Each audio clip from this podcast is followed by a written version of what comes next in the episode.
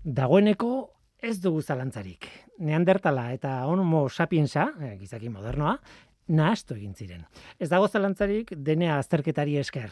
Zeluletako, gure zeluletako, edo homo sapiensaren zeluletako nukleoan dagoen deneak, bien material genetikoaren nahastea delako. Esbante Pabo ikertzaile suediarra izan zen aitzindaria ikerketa mota horretan, ez? Oso historia berezia du gizon horrek.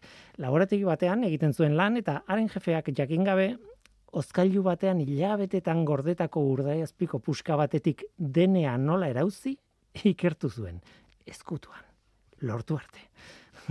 Gero, momietatik erauzitako denea astertzen hasi zen eta azkenean, azkenean denbora e, urtetara neandertalen material genetikoa erauzten eta astertzen zuen aditu handiena izatera iritsi zen.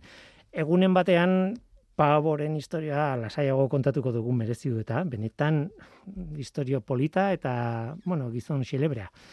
Dena den, haren lanari esker eta haren taldeko guztiei esker, noski, Neandertalen ikerketak aurrera pausu izugarria eman zuen, besteak beste denea osoa genoma osoa deskodetu genuen.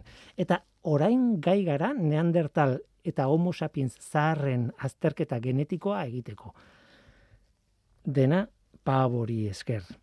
Aste honetan hain zuzen, Pagabok zuzendutako ikerketa bat argitaratu da Nature aldizkarian, eta aldi berean beste talde batek egindako beste ikerketa bat, ere bai. Nature Ecology eta And Evolution aldizkarian. Bulgariako eta Txekiako kobazuloetan hartutako gizaki modernaren fosilen azterketak dira urren ez urren. Europan izan ziren zaharrenak gainera, duela berroita bost mila urtekoak. Bueno, arraro egiten zait gizaki moderno zaharrena esatea ez, baina ala da, nola bit, gizaki modernoa, homo sapiensa, baino zaharrena, Europan.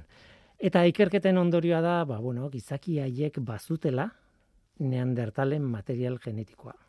Alegia, Europan ezagutzen ditugun homo sapiens zarrenek ere badute neandertalen nahasketa material genetikoan.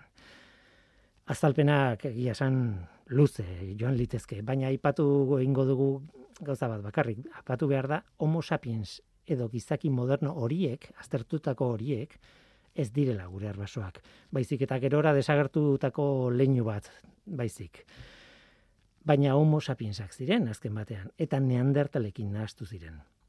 Adituen ustez, neandertalekin nahastea oso oso oso ohikoa izaten zen.